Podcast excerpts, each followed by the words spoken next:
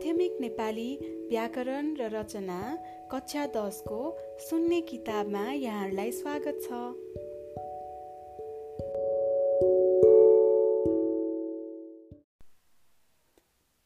नमस्ते सबैलाई। आज धेरै दिनपछि फेरि अर्को एकाइ रेकर्ड गर्दैछु। हामी पछिल्लो पटक एकाइ सत्रमा थियौँ। आज एकाइ अठारबाट सुरु गर्छौँ है त? शीर्षक छ करण र अकरण। पान्ना नम्बर एक सय चौवालिस। एक करण र अकरणको परिचय। करण क म आज आउँछु। यसको अकरण भनेको म आज आउँदिन। ख तिमी सफल हुन्छौ तिमी सफल हुँदैनौ। ग तपाईँ बजार जानुभयो? तपाईँ बजार जानु भएन? घ राम लगनशील छ। राम लगनशील छैन। ङ सीता सफल भई सीता सफल भइन माथिका रेखाङ्कित क्रियापदहरूले पुरै वाक्यको सकारात्मक वा नकारात्मक अर्थ दिएका छन्। वाक्यमा रहेको समापक क्रियापदको परिवर्तन नभएसम्म संरचना र अर्थ दुवैमा परिवर्तन हुँदैन। जस्तै मेरो कलम राम्रो छ को मेरो कलम राम्रो फेरि दोहोऱ्याउँछु। मेरो कलम राम्रो छ यसको मेरो कलम नराम्रो छ। माथिको परिवर्तित वाक्यमा वाक्यको अर्थ अकरण भए पनि संरचना करण नै छ। यस्तो परिवर्तन मान्य हुँदैन। माथिको वाक्यमा समापक क्रियामा परिवर्तन नभएर विशेषणमा परिवर्तन भएको छ। उक्त वाक्यको पूर्ण अकरण यस्तो हुनुपर्छ। मेरो कलम राम्रो छैन। करण र अकरण भनेको वाक्यको सकारात्मक वा नकारात्मक अवस्था हो। सकारात्मक वा हो भन्ने अर्थ बुझाउने वाक्यलाई करण भनिन्छ भने नकारात्मक वा होइन भन्ने अर्थ बुझाउने वाक्यलाई अकरण भनिन्छ। यसलाई ध्रुवीयता पनि भनिन्छ। करण वा अकरण दुवै मूलत क्रियासँग सम्बन्धित हुन्छन्। क्रियापदकै आधारमा वाक्यको सकारात्मक र नकारात्मक अर्थ निश्चित हुन्छ। सामान्यत करण वाक्यलाई अकरण नबनाउँदा फेरि दोहोऱ्याउँछु माफ गर्नुहोला। सामान्यत करण वाक्यलाई अकरण बनाउँदा नको प्रयोग गरिन्छ। न वाक्यमा कतै सुरुमा आउँछ कतै बिचमा आउँछ भने कतै चाहिँ अन्त्यमा आउँछ। सामान्य अकरण। अब कमा छ? त घर जा। यसको अकरण भनेको त घर नजा। ख तिमी भात खाऊ तिमी भात नखाऊ। ग तिम्रो विजय होस् तिम्रो विजय नहोस्। घ म राम्रो पढौँ म राम्रो नपढौँ।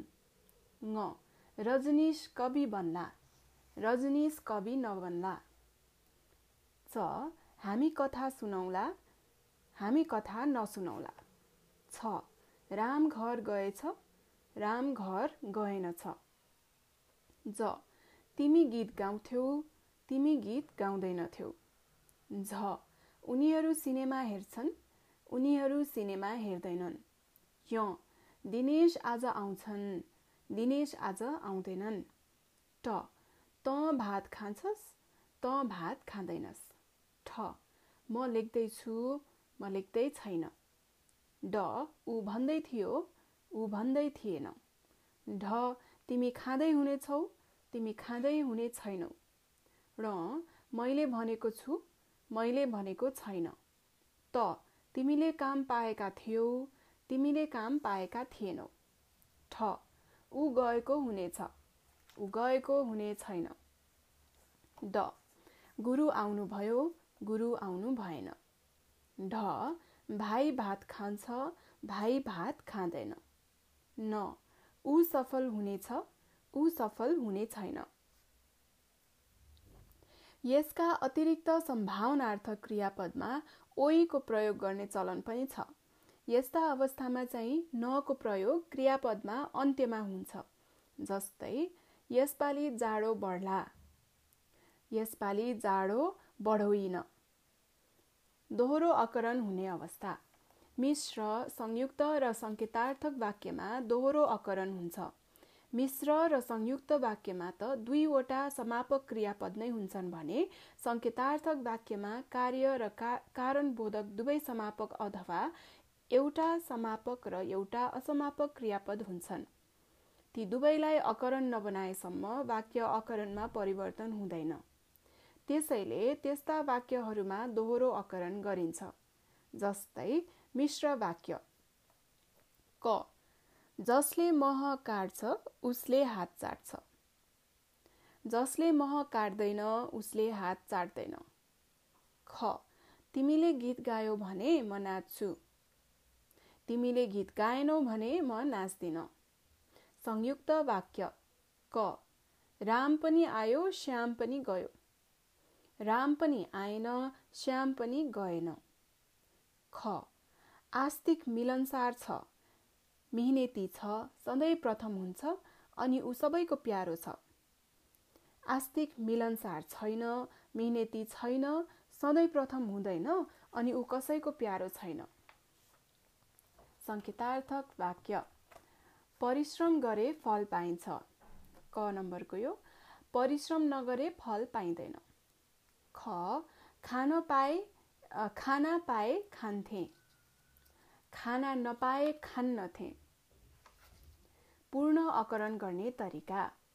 कुनै कुनै वाक्यलाई अकरण गर्दा क्रियापदमा मात्र परिवर्तन गरेर हुँदैन। अर्थसहितको पूर्ण अकरणका लागि विशिष्ट शब्दलाई पनि नकारात्मक अर्थ दिने बनाउनुपर्छ। जस्तै क ऊ सधैँ पढाइमा ध्यान दिन्छ। ऊ सधैँ पढाइमा ध्यान दिँदैन। अब यसको ब्राकेटमा चाहिँ यहाँनिर के लेखेको छ? कहिले काहीँ चाहिँ दिन्छ। अब यसकै अर्को नकारात्मक ऊ कहिले पढाइमा ध्यान दिँदैन। यसमा चाहिँ अर्थसहित पूर्ण अकरण हो यो चाहिँ। यस्ता वाक्यमा दोस्रो प्रकारको पूर्ण अकरण गर्नुपर्छ। क तिमी निकै ज्ञानी छौ। तिमी कति ज्ञानी छैनौ। करणबाट अकरण। अब ख असल साथीले कहिल्यै धोका दिँदैन। खराब साथीले जहिले धोका दिन्छ। अकरणबाट बाट करण अब शाश्वत कुराको अकरण गर्ने परम्परा। ध्रुव सत्य वा व्यवहारिक सत्य कुरा बुझाउने वाक्यलाई पनि कहिलेकाहीँ अकरण गर्न लगाइएको पाइन्छ। यो अव्या अव्याकरणिक परम्परा हो। जुन शाश्वत हो त्यसलाई अकरण गर्न सोध्नु नै हुँदैन। परम्परित वाक्यहरूमा ध्रुव सत्य कुराको अकरण गर्ने यस्तो तरिका सिकाइएको छ। क आगोले पोल्छ। अब यसको आगोले नपोल्ने होइन। प्रस्तुत वाक्यलाई यसरी होइन आगोले पोल्दैन भनी सोझो अकरण गर्दा नै व्याकरणिक मान्यता पूर्ण हुन्छ। आगोले नपोल्ने होइन बनाउनु पर्दैन। यो त आगोले पोल्ने हो भन्ने वाक्यको अकरण हो। यसलाई अर्थजीवित राख्ने नाममा घुमाउनु पर्दैन हुँदैन। त्यसैले यस्ता वाक्यहरू सोध्नु नै हुँदैन तर सोधियो र विद्यार्थीले आगोले पोल्दैन जस्ता वाक्यहरू लेखे भने पनि पूर्ण अङ्क दिनुपर्छ जस्तै क घाम पूर्वबाट उदाउँछ को घाम पूर्वबाट उदाउँदैन ख पृथ्वी गोलो छ पृथ्वी गोलो छैन ग हिउँ चिसो हुन्छ हिउँ चिसो हुँदैन। घ परोपकार नै धर्म हो परोपकार नै धर्म होइन। द्रष्टव्य। अकरणलाई करण बनाउँदा वा करणलाई अकरण बनाउँदा मूल क्रियापद जुन लिङ्ग पुरुष वचन काल भाव पक्ष वाच्य आदिको छ त्यसलाई नकारात्मक मात्र गर्नुपर्छ। अन्य कुरामा परिवर्तन गर्न पाइँदैन। अब हामी अभ्यासमा पुगेका छौँ पान्ना नम्बर एक सय सडचालिस। एक तलका वाक्यहरूलाई अकरणमा परिवर्तन गर्नुहोस्। क भनेको कुरा पुरा गर्नुपर्छ। ख भाग्य हाम्रो हातमा हुन्छ। ग उनीहरू आउँछन् र त्यहीँ बस्छन्। घ रेणुका मलाई बोलाउँछिन्। ङ फलेको वृक्षको हाँगो जहिले झुक्छ। च ठुलाले भनेको सबै टे सबैले टेर्नुपर्छ। छ अब त म खान्छु खान्छु। ज सबैको बुद्धि सप्रिय हुन्थ्यो। झ विद्वान मान्छे सहयोगी हुन्छन्। य परोपकार धर्म हो। ट मायाले ढुङ्गालाई पगाल्छ रे। ठ तिमी आएकाले सबैले रमाइलो माने। ड रमेश भनेको मान्थे। ढ प्रवेश सफल भएको थियो। ण विजयले कविता सुनाएछ।